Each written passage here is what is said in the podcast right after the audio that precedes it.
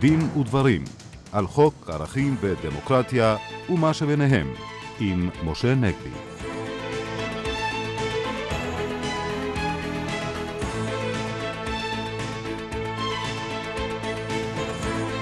שלום לכם, דין ודברים, מגזין רשת ב' על חוק ערכים ודמוקרטיה.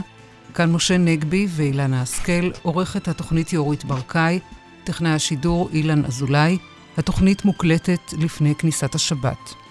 מיד נתייחס כאן לאפשרות להטיל על הדירקטורים בחברת טבע אחריות משפטית אישית לנזקים הכלכליים העצומים שגרמו כישלונותיה העסקיים. האם התבטאויות שר הביטחון כלפי תושבי ואדי ערה הן בגדר הסתה פלילית? והאם חוק המרכולים שאושר השבוע משנה את הסטטוס קוו בענייני דת?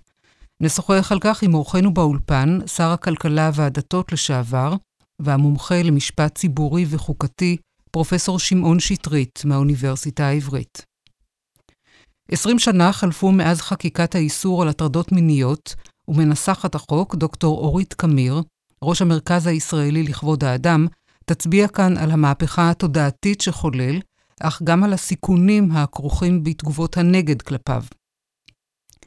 נשוחח איתה גם על ההתעמרות בעובדים ובעובדות, כפי שעלתה גם בדיון בתביעות שהוגשו בעניין התנהלותה של רעיית ראש הממשלה נתניהו. באולפנינו השופט בדימוס גבריאל שטרסמן, שכיהן בשעתו גם בבית המשפט לתעבורה, ואיתו נשוחח על הגזרה החדשה האוסרת על נהגים להסיט את מבטם מהכביש לסמארטפון. אך נפתח כאמור בהערה משפטית בעקבות המשבר בטבע. משה.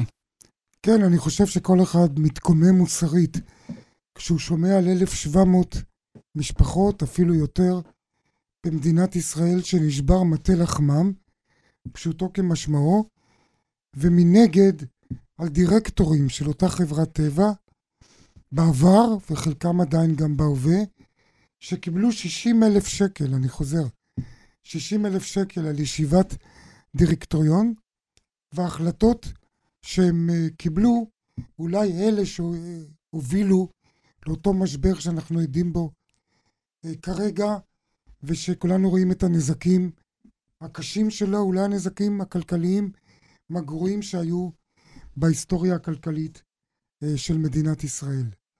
אבל מעבר להיבט המוסרי, לאנה, נדמה לי שהשאלה שאת מעלה לגבי אחריות הדירקטורים לשאת בהוצאות של אותן החלטות, לפצות אולי את מי שנפגע מאותן החלטות, יש לה כמובן גם היבט מעשי. אה, קודם כל, כלפי העובדים, עוד פעם.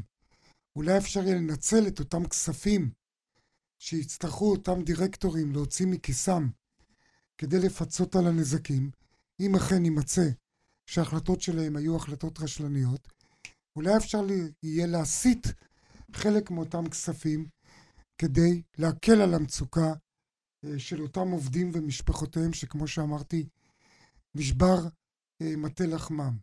מעבר לזה, למיצוי הדין עם אותם דירקטורים על רשלנותם, אם אכן הייתה כזאת, יש גם כמובן אפקט הרתעתי לגבי דירקטורים במקרים אחרים.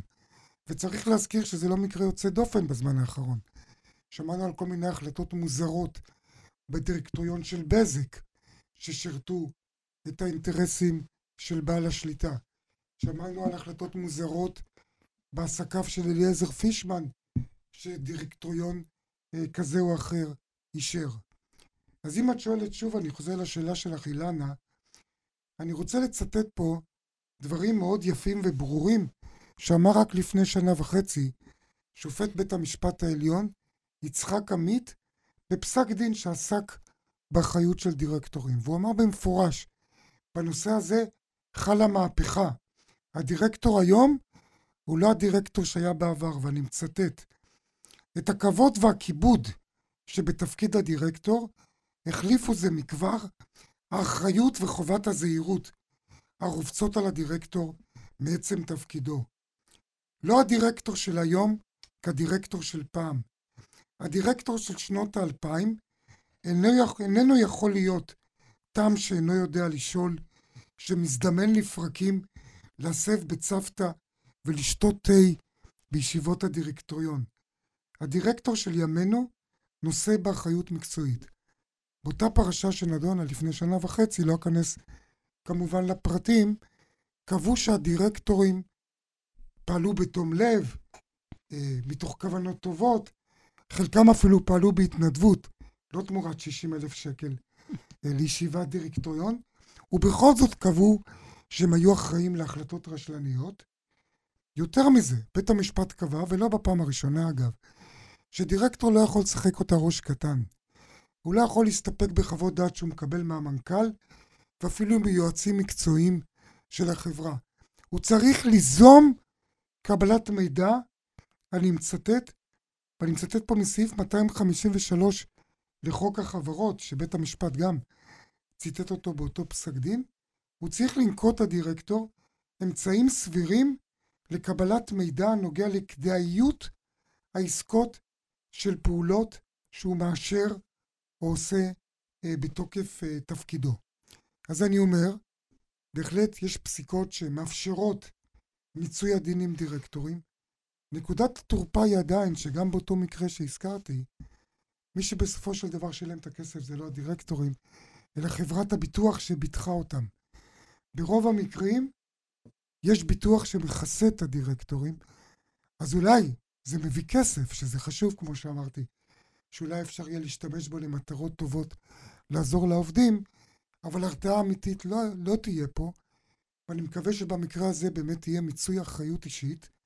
ופה פרופסור שמעון שטרית, אני נזכר בימים לפני 35 שנה, פלוס מינוס, אותה מפולת מניות מפורסמת של הבנקים בבורסה בתל אביב, תכף תוכל להתייחס לדמיון אה, בין שתי הפרשות האלה, אז והיום, ואז אתה, אה, גם כפעיל ציבור, גם כחבר כנסת אחר כך, גם אחר כך כדירקטור מטעם הציבור אה, בבנק לאומי, נאבקת בדיוק על הנקודה הזאת, שמנהלי הבנקים, הדירקטורים, ימצאו איתם את הדין באופן אישי כדי למנוע הישנות של מעשים מן הסוג הזה.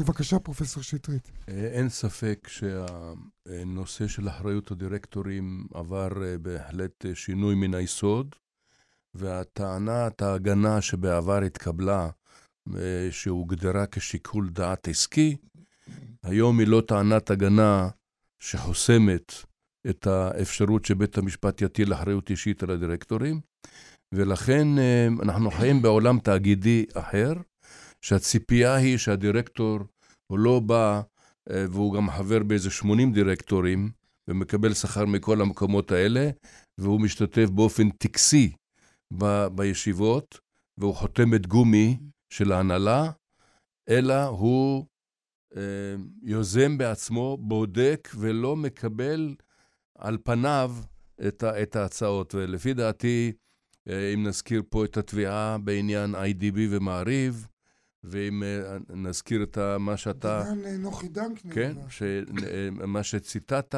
אז זה ברור לגמרי שאנחנו חיים בעולם אחר, שהציפייה מדירקטור היא לבחון. אז בואו ניקח את טבע.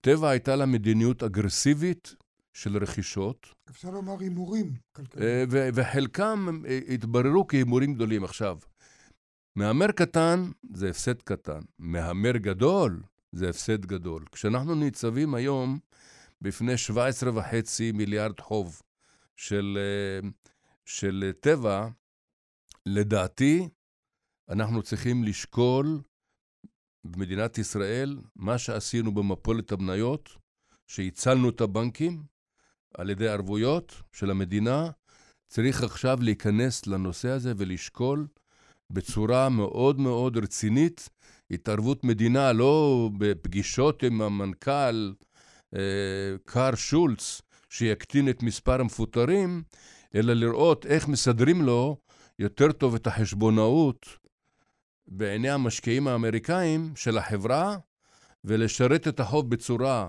של רב-שנתית עם תחזית וצפי יותר רחוק, כדי לפתור כי מה יקרה אם הפיטורים האלה לא, לא יועילו, ובעוד שלוש שנים עוד פעם יש סיפור.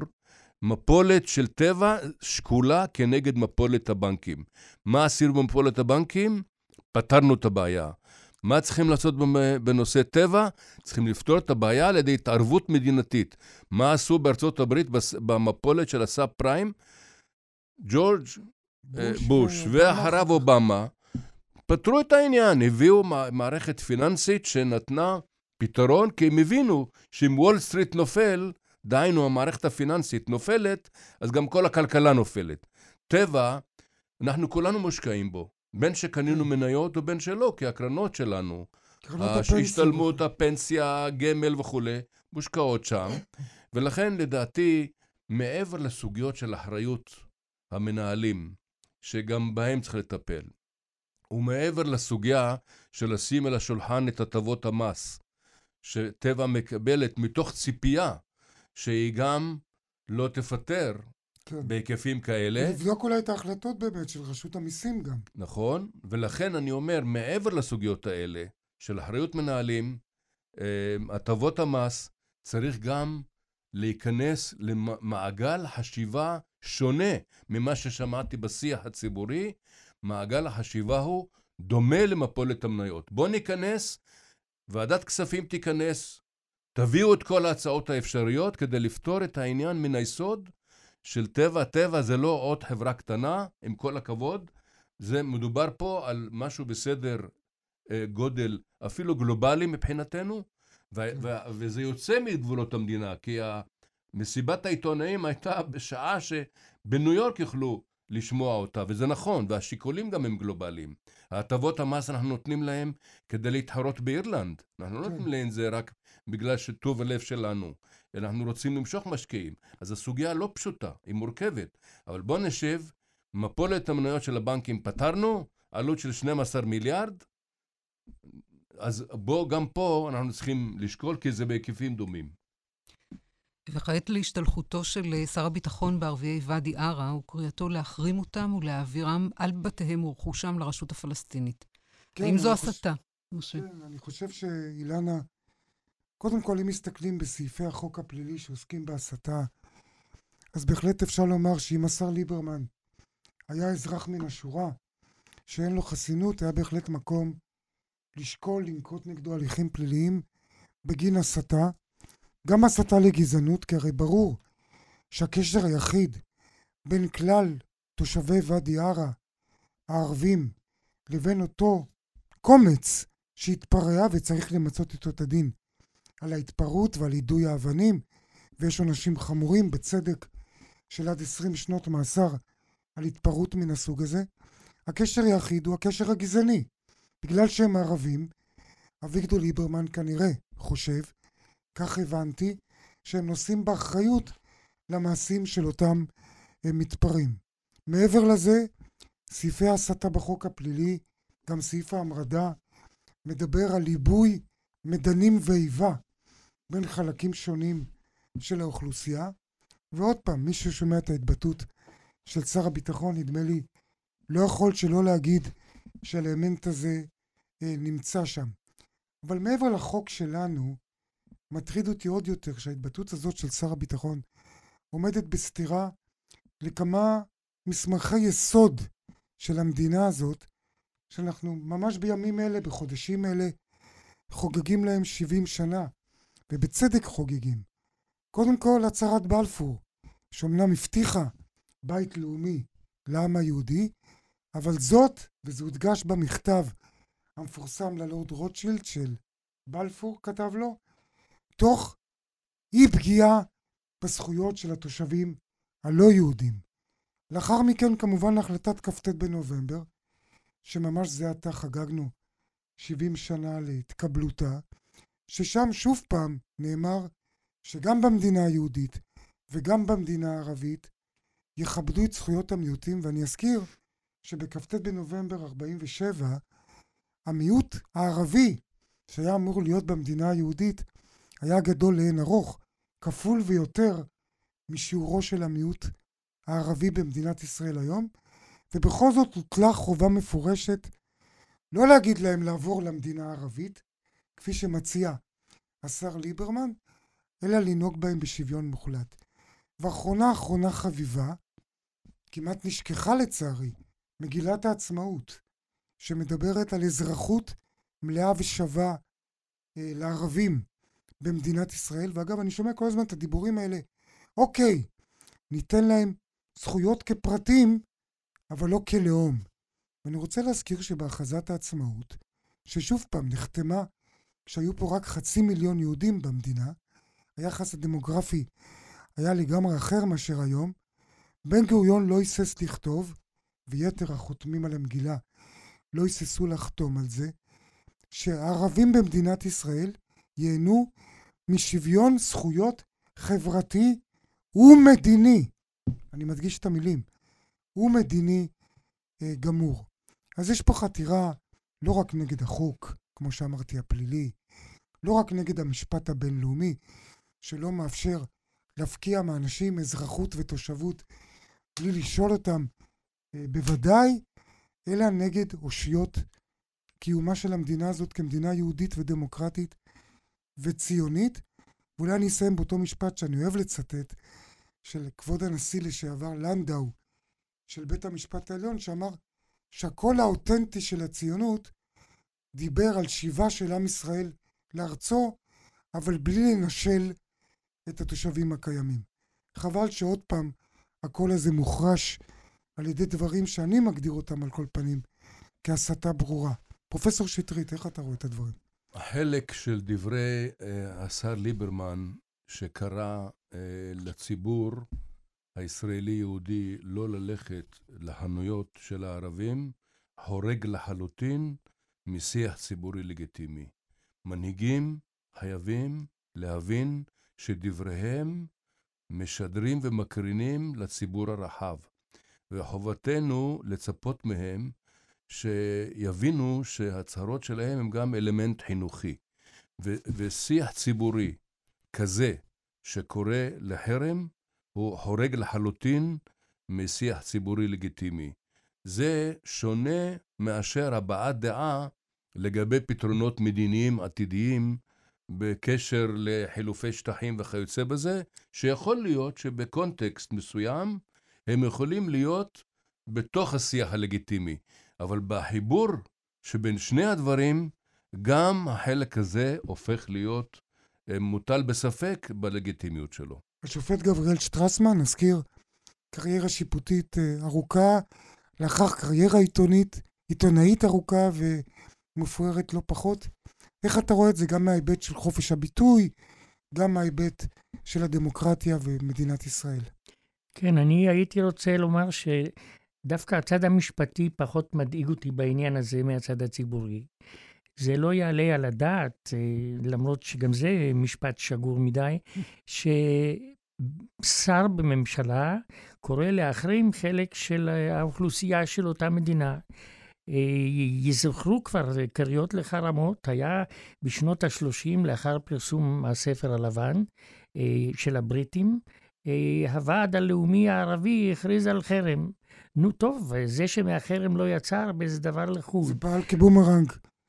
סליחה? זה פעל כבומרנג כלפי. כן, אני גם מסוגל לתאר לעצמי את האפשרות שאיזשהו מנהיג ערבי, אה, ישראלי, לאו דווקא פלסטיני, יקרא להחרים את החנויות הישראליות היהודיות כמובן, אה, כל אימת שיש איזשהו אירוע שפוגע באוכלוסייה הערבית, כמו אם הורגים מישהו, אה, אה, באיזו תגובה היה השר ליברמן מגיב, אם היו אומרים, הנה אנחנו נמצאים תחת איום של חרם של הערבים על תוצרת ישראל, יהודית ישראלית באיזשהו מקום.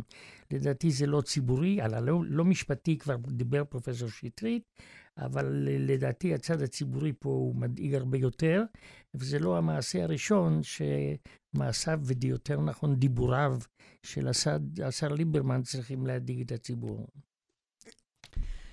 חוזרים אליך, פרופסור שמעון שטרית, כשר דתות לשעבר, וכמומחה למשפט ציבורי בכלל ולסוגיות דת ומדינה בפרט.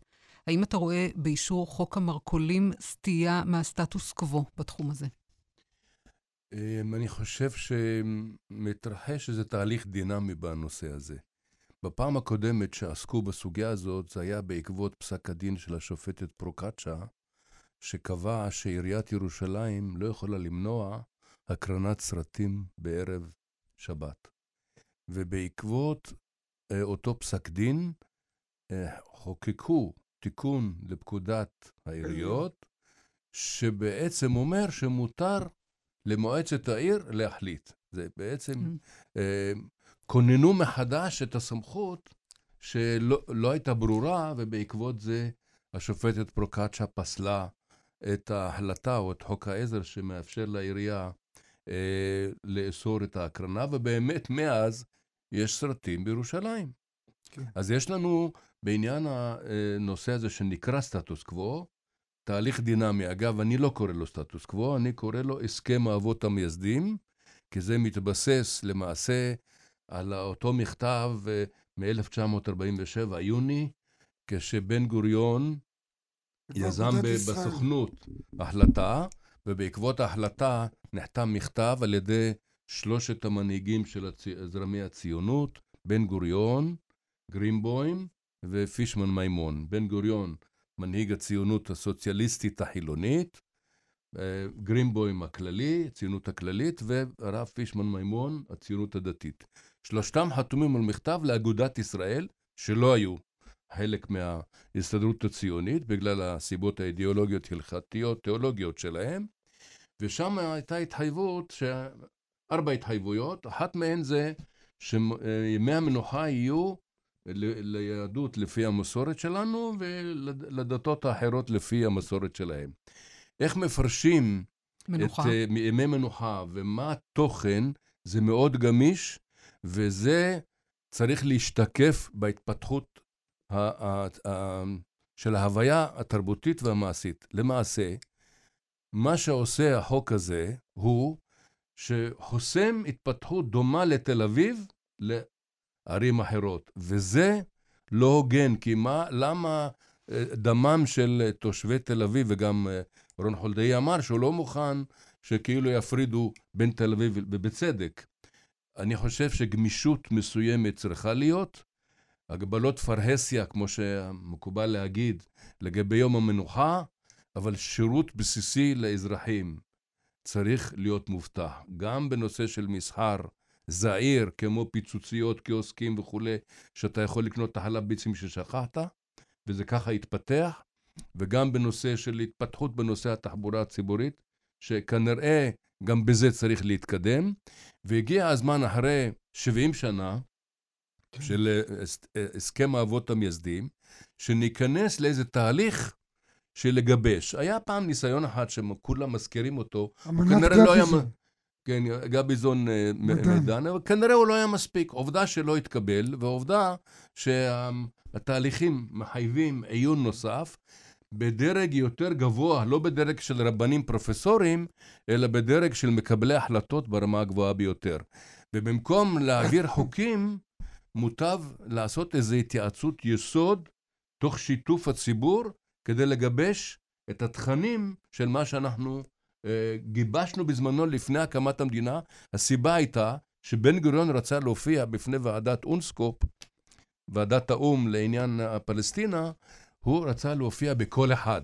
ושלא יבוא כל מיני גורמים וכל אחד יגיד לוועדה מה הוא חושב על המדינה היהודית העתידית, וזה הישג גדול שממעטים לדבר עליו, שהוא הצליח לגבש קונסנזוס כדי להופיע בפני אומות העולם בצורה אחידה, אבל היום בתוכנו חייב להיות תהליך של גיבוש, אבל לא מתוך כפייה, כמו שנעשה פה בחמש בבוקר או בארבע בבוקר, מצביעים על חוק בלי דיון ציבורי, כמעט בלי דיון ציבורי, ולכן לי נראה שחוק המרכולים לא משרת אותנו. פרופסור שטרית, יש לך המון ניסיון במחאות, כבר הזכרנו קודם, מחאות חברתיות בעיקר. אנחנו עכשיו גם בעידן של הפגנות, מחאות בנושא שחיתות, בנושא הקריסה בטבע, מחאת הנכים כמובן. כמי שמסתכל על הדמוקרטיה שלנו, גם בתור איש אקדמיה, חוקר המשפט הציבורי, המשפט החוקתי, גם בתור מי שהיה מעורב אישית בענייני ציבור, כבר הזכרנו גם חבר כנסת וכולי, מחאות משפיעות על השלטון בישראל. הרי יש די תסכול ממה שקרה עם המחאה החברתית מ-2011. איך אתה רואה את התמונה הכללית? באופן היסטורי, המחאות בישראל השפיעו מאוד על החברה הישראלית. נתחיל ב-1959, מה שפעם קראו לזה מהומות או אירועים. ואדי סאליב. אבל זה בעצם היה מחאה חברתית, אותנטית, ששיקפה את התרעומת על כל מיני סוגיות ועוולות חברתיות, ואחרי ואדי סאליב אה, אה, היה כמובן הפנתרים השחורים, שאומנם לפעמים התייחסו אליהם לא ידוע, לא בצורה נאותה, ילדים נחמדים, תרדו מהדשא, כל מיני ביטויים כאלה לא ראויים, כי לא הבינו את, את המהות. הם לא נחמדים, אמרה כן, גולדה. כן, זה, גולדה אמרה לא נחמדים, טדי אמר תרדו מהדשא, כל מיני דברים כאלה. בהמשך היה אה, אה, הזעזוע שגרמה ילדה מבית שאן שאמרה אני רעבה. בכל ישראל. כן. אצלנו, כן. ולאחר מכן היו כמובן המחאות הגדולות בנושא אה, אוהל מורה, תנועת האוהלים, בגלל הדיור. שאתה הצגת אותם בבג"ץ, בתקופת, אני אזכיר. ואותם אני הצגתי בבית המשפט בבג"ץ. אחר כך היה תמי, ש"ס, אהרון אבוחצירא, כן. אהרון אבוחצירא. בשנות התשעים הייתה מחאת אה, היעלמות הילדים, חטיפת הילדים, עוזי משולם, שנמשכת עד היום. נמשכת עד היום. בשנות התשעים היה מחאת חסרי הדיור, אה, שיצאו, היו ברחובות מאהלים של חסרי דיור.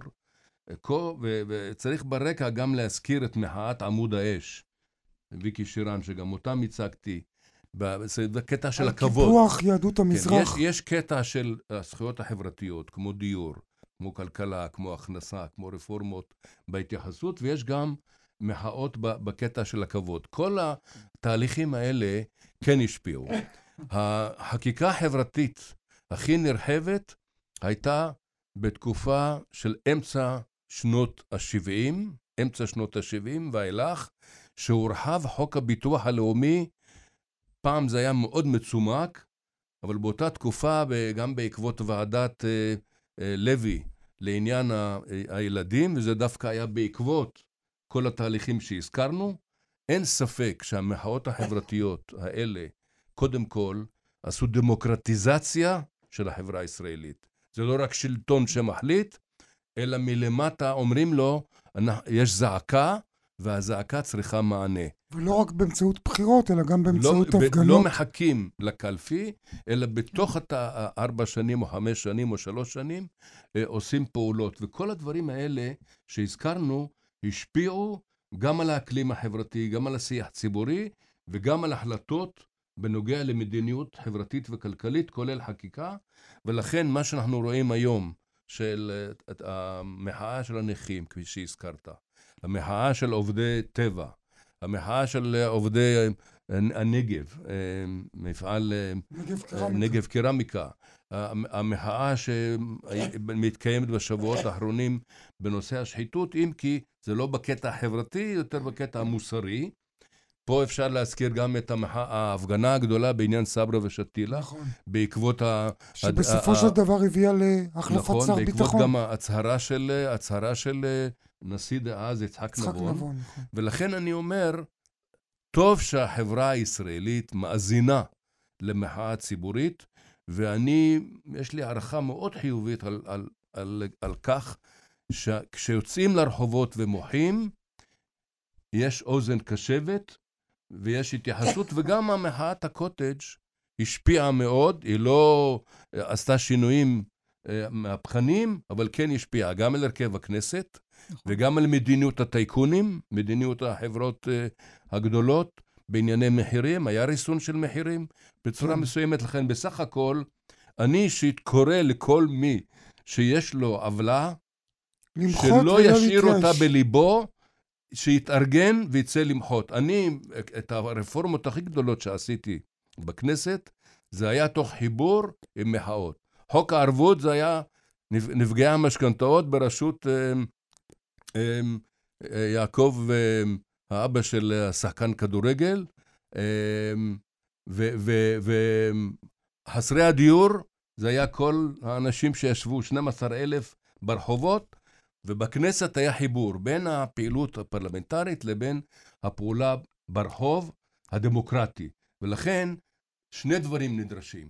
לא רק הקטע של אה, המ- המחאה, צריך גם תרגום ממשי בעולם האמיתי של קבלת ההחלטות. אני לא יכול אה, לסיים את השיחה איתך, פרופסור שטרית, בלי להזכיר את הבג"ץ שניתן ביום חמישי האחרון בעניין החזקת הגופות של מחבלים, שבג"ץ אמר, הכנסת, מכוח חוק יסוד כבוד אדם וחירותו, שהיא חוקקה אותו בסופו של דבר, לא יכולה לפגוע גם בכבוד האדם המת, גם אם אותו אדם היה מחבל נתעב, בלי שהיא תחוקק חוק שיאפשר לה אה, לעשות את זה. שמענו התקפות על בג"ץ, איך אתה רואה בקיצור את ההחלטה הזאת? אה, ראשית כל, צריך לכבד את ההחלטה, גם אם היא שניים נגד אחד, ויש דעת מאוד מאוד חזקה שמסתייגת מדעת הרוב. אז קודם כל אני מסתייג מהתקפות. ביקורת לגיטימית בטעם טוב מקובלת עליי, אבל התקפות שחוזרות כל פעם בסגנון מסוים לא מקובלות עליי. לתוכן הדברים יכולות להיות דעות שונות ואחרות. למשל, האם הזכות לכבוד חלה גם על מי שהתאבד ורצה למות ולהרוג אחרים? אפשר היה לחשוב על סייגים. חופש הביטוי הוא לא מוחלט. אז גם זכות לכבוד האדם לא צריכה להיות מוחלטת, ואפשר לקבוע לה חריגים. מעבר לעניין, יש גם סוגיות משפטיות שאני לא אכנס להן. האם הסמכות הכללית של הממשלה מאפשרת לה, והאם תקנות ההגנה ש... שנתנו סמכות, אבל השאלה אם הן חלות פה או לא, שאלה פתוחה. אני אומר ככה, קודם כל לכבד את החלטת בית המשפט העליון, לתת תגובה שנדרשת אם החברה הישראלית רואה בזה דבר חשוב, שיש לנו קלפי מיקוח מול אויב אכזר, ומול אויב שלא מוכן אפילו לתת מידע על אה, נעדרים וגופות של חיילים שלנו. אה, אז לכן זה מצד אחד. ומצד שני, יש גם איזה מין תבנית ברזל שאנחנו צריכים להכיל את עקרונות כבוד האדם, גם כלפי מצבים שאנחנו חורקים שיניים, אבל צריכים גם לקיים אותם. השופט שטרסמן, הערה קצרה. רציתי להגיד בעניין פסק הדין הזה של בית המשפט העליון, פסק הדין גם מרבה, מרבה לדבר שם על הזכות להיקבר. זה אחד הדברים החשובים בפסק הדין. ואני לא חושב שההשוואה הזאת, אה, כפי שפרופסור שטרית דיבר, על ההתנהגות של הצד השני, אנחנו לא הצד השני. הצד כן. השני עושה את מעשיו, ואנחנו לא חייבים לעשות את מעשיו. אולי נזכיר השופט שטרסמן בהקשר הזה את התקדים הידוע של דיראני, אותם אנשים שהחזיקו ברון ארד, שניסו להחזיק באותם מנהיגים, מנהיגי טרור פה בארץ, כקלפי מיקוח, כבני ערובה, וגם אז אמר בית המשפט, ברוח הדברים שאתה אמרת פה, השופט שטרסמן, שאנחנו לא יכולים להתנהג כמו ארגון טרוריסטי שתופס בני ערובה ומחזיק אותם מאחורי סורג ובריח, רק כדי ללחוץ לשחרר אנשים שלנו, כמו רון ארד ואחרים, הוא אמר, אנחנו לא ארגון טרור, אנחנו מדינה מתוקנת, וגם אז בעצם הוא אילץ מדינת ישראל לשחרר את אותם אנשים שהחזיקה אה, כקלפי מיקוח. שם הם היו כמובן חיים ולא בגדר גופות, אולי גם זה עושה הבדל, אבל נעצור כאן. עשרים שנה חלפו מאז אימצה הכנסת את הצעתך, דוקטור אורית קמיר, ראש המרכז הישראלי לכבוד האדם, לאסור בחוק הפלילי הטרדות מיניות. ובמאמר שפרסמת בכתב עת מעשי משפט, את מנתחת את המהפכה שחולל, אך גם את הסיכון שבתגובות היתר, הנגד שעורר. כן. לא ו... תגובות יתר, תגובות נגד. כן, כן. והמאמר מתייחס ספציפית לאקדמיה הישראלית, שהיא מקרה מבחן, אבל היא לא מאוד שונה ממוקדי הכוח אה, השמרניים והפטריארכליים האחרים שעדיין ממשיכים אה, לנהל את המדינה. אה, ובהקשר הזה, כיוון שאנחנו מדברים היום על רקע אירועי השבוע החולף, אי אפשר, אני חושבת, אה, להפריד בין נושא ההטרדה המינית לבין ההדרה של נשים, אה, שעלה השבוע בשני הקשרים. אחד זה הבקשה של האגודה לזכויות האזרח ושדולת הנשים והתנועה הרפורמית להצטרף לבג"ץ שהוגש מטעם 12 מרצים ומרצות באקדמיה הישראלית נגד המל"ג, בגין הדרת נשים מ... eh, איך להגדיר את זה? אה, השכלה גבוהה לחרדים, שעכשיו האוניברסיטאות וה, והמכללות... מגדרית. הפרדה מגדרית בין נשים לגברים ב, בכל אותם אה, חלקים של האוניברסיטה והמכללות, שיוקדשו עכשיו ל, אה, לחרדים. הדבר השני זה הסקר שפורסם, שנערך על ידי יובל אלבשן ואחרים, על מספר אנשים, כמו מיעוטים אחרים, כמו ערבים, מזרחים. נשים הם לא מיעוט, מתייחסים אליהם כמיעוט. הם, הם כן. מיעוט מבחינת הזכויות, לא מבחינה כן. כמותית, אה, מבחינת מעמדן, שהתפרסמו השבוע. אז אם חוזרים לאקדמיה ולהטרדה המינית, אני חושבת שמה שקרה באקדמיה, כמו בצבא, כמו בעיתונות, כמו בהרבה גופים אחרים, כמו בתעשיית הבידור וכולי. נכון, כמו, נכון. אה, וגם אגב בהייטק, זה לא, זה לא רק שם. המוקדי הכוח... ולא רק אצלנו, גם בעולם, אנחנו רואים. כן. אבל אצלנו המהפכה התחילה לפני 20 שנה, באיחור ובצורה יותר שיטתית, בגלל שנחקק חוק. אה, בזכותך אז- במידה רבה, אז- אני חושב לומר, כן. אז תודה. יש מי שרואים את זה בגללי ולא כך בזכותי, אבל uh, תודה על, ה, על החיוב. Uh, אפשר למדוד את מה שקרה מלפני 20 שנה ועד היום. ואם אני מסתכלת במבט uh, ממעוף הציפור, ככה להגיד את זה בצורה מאוד מאוד תמציתית, אה, אני חושבת שהרבה הרבה מאוד מהשיח והמובן מאליו השתנו באופן מוחלט. כלומר, היום, בייחוד בשביל אנשים צעירים שכבר נולדו לתוך החוק, כי מדינת ישראל היא מדינה מאוד צעירה, ו-20 שנה זה, זה תקופה ש, שיש כבר דור צעיר שלא ידע את יוסף, שלא נולד עוד, כלומר, שנולד אחרי שכבר שינו את הכללים, ו, והם נראים לא מובנים מאליהם. למרות זאת, יש מוקדי כוח פטריארכליים מאוד חזקים, שממשיכים להתנהל כפי שהם התנהלו מאז ומעולם. אנחנו רואים את זה הבו- הבוקר, אה, דוקטור אורית קמיר בפרסום בעיתון הארץ על בית החולים שיבא, ששם אה, ממונה על המתמחות בבית החולים, שכבר היו נגדו שמונה תלונות, ממשיך לכהן בתפקידו, והוא גם מועמד לנהל בית חולים אחר. אני חושב שזו דוגמה מובהקת. נכון, אז הממסד הרפואי הוא לא פחות אה, פטריארכלי מהממסד האקדמי, ופרופסור אדלר, שמשך קודם את אה, מועמדותו לעמוד בראש בית חולים אה, וולפסון. וולפסון בחולון, עכשיו חזר ודורש להיות מועמד. מה שמדהים זה שלמרות שמתנהלת חקירה על ידי נציבות שירות המדינה, כפי שכנראה אמורה, אני מקווה שהיא מתנהלת על פי חוק וכפי שהיא אמורה להתנהל, אה, בית החולים לא מעלה על דעתו להזיז את הפרופסור מתפקידו כממונה על המתמחות. לא מעלה על דעתו להפריד בינו לבינן, למרות שזה היה צריך להיות א', ב' ומובן מאליו. אני לא מדברת על הדחה, אני לא מדברת על פוטש, אני לא מדברת על חרם, אבל להזיז אותו באופן זמני מתפקידו, זה היה צריך לעלות על דעתו של בית החולים.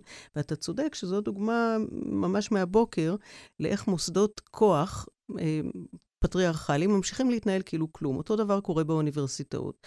אה, מאחורי הקלעים, בחדרי חדרים, ההחלטות ממשיכות להתקבל על ידי גברים, שממשיכים להתנהל לפי אותם ערכים שהם התנהלו בהם לפני 30, 40 ו-50 שנה, אלא שעכשיו הם מסווים את זה יותר טוב, הם מסתירים את זה יותר טוב. אלא מה קורה? מדי פעם מגיע איזשהו מקרה של מישהו ש- שנתפס, מישהו שהברנג'ה לא עומדת מאחוריו עם כל העוצמה שלו, או שמהססת, או שמגמגמת. ואז אה, מי שאימצו את השיח החדש, קופצים עליו כעל מוצאי שלל רב, ודורשים לעשות בו את הדין עד הסוף. ואני אני רוצה להזהיר משתי התופעות האלה. מצד אחד, ההתבצרות המגונה בערכים שאבד עליהם הקלח, הערכים הפטריארכליים ש, שעל פיהם נשים אה, מותרות, גם להטרדה מינית וגם להדרה. ומצד שני, תגובת ה... היתר כנגד אנשים שכן נתפסים, כנגד, כנגד אה, אותם אלה שאיכשהו הפכו להיות אה, קורבנות שהחזקים הסכימו אה, להקריב אה, למען השיח החדש, ולא צריך ללכת רחוק מדי לגבי אלה. אז שוב, דוגמה שעלתה אתמול אה, לתקשורת, ולכן אני אזכיר אותה, הסיפור עם ארי שביט. וארי שביט, כזכור, הוא עיתונאי בעיתון הארץ, אה, שלפני שנה היו נגדו שתי, הטרד, שתי תלונות על הטרדות מיניות. הוא לקח אחריות, הוא הכריז שהוא עוזב את המקצוע, הוא לא יופיע, הוא לא יראיין, הוא לא יכתוב, הוא לוקח פסק זמן הביתה, הוא יעשה חשבון נפש והוא ישנה את אורחותיו והתנהלותו. עכשיו, הוא מישהו שהממסדים לא נעמדו מאחוריו, לא אה, הסתירו אותו, לא גיבו אותו, לא אה, כפו אותו הר כגיגית, כמו שהם עושים עבור אנשים אחרים גם בתוך עיתון הארץ, אגב, כפי שאנחנו יודעים היטב, וגם בתוך התקשורת הממסדית. אז, אז הוא זה שכן יצא החוצה. עכשיו, מקץ שנה, הוא רוצה לחזור, ואז נעמדים אנשים שדוברים בשיח החדש ואומרים על גופתנו המתה, הוא לא יחזור. וכאן אני חושבת שהם הולכים צעד אחד רחוק מדי, ללא צורך. ואנחנו עכשיו נקראים מקץ 20 שנה בין שני הקצוות האלה, בין הממסד שממשיך להתבצר, לבין אלה שאת ה... ארי שביט למיניהם, כדוגמה, כמשל, אה, רוצים לצלוב ולתלות בכיכר העיר, והמרחב שהיה צריך להיות המרחב של השפיות, המרחב שבו באמת מתנהלים באופן אחראי כלפי כולם, באופן הוגן, בשקיפות, ומכילים על כולם את אותו דין, בדיוק כפי שהוא כתוב בחוק ובתקנות, המקום הזה נשאר חלש מדי. ולצערי הרב, זה נכון לא רק באקדמיה, אלא זה נכון בכל הממסדים, כפי שאמרת, הממסד הרפואי, הממסד החדשותי וכל השאר והבידורי.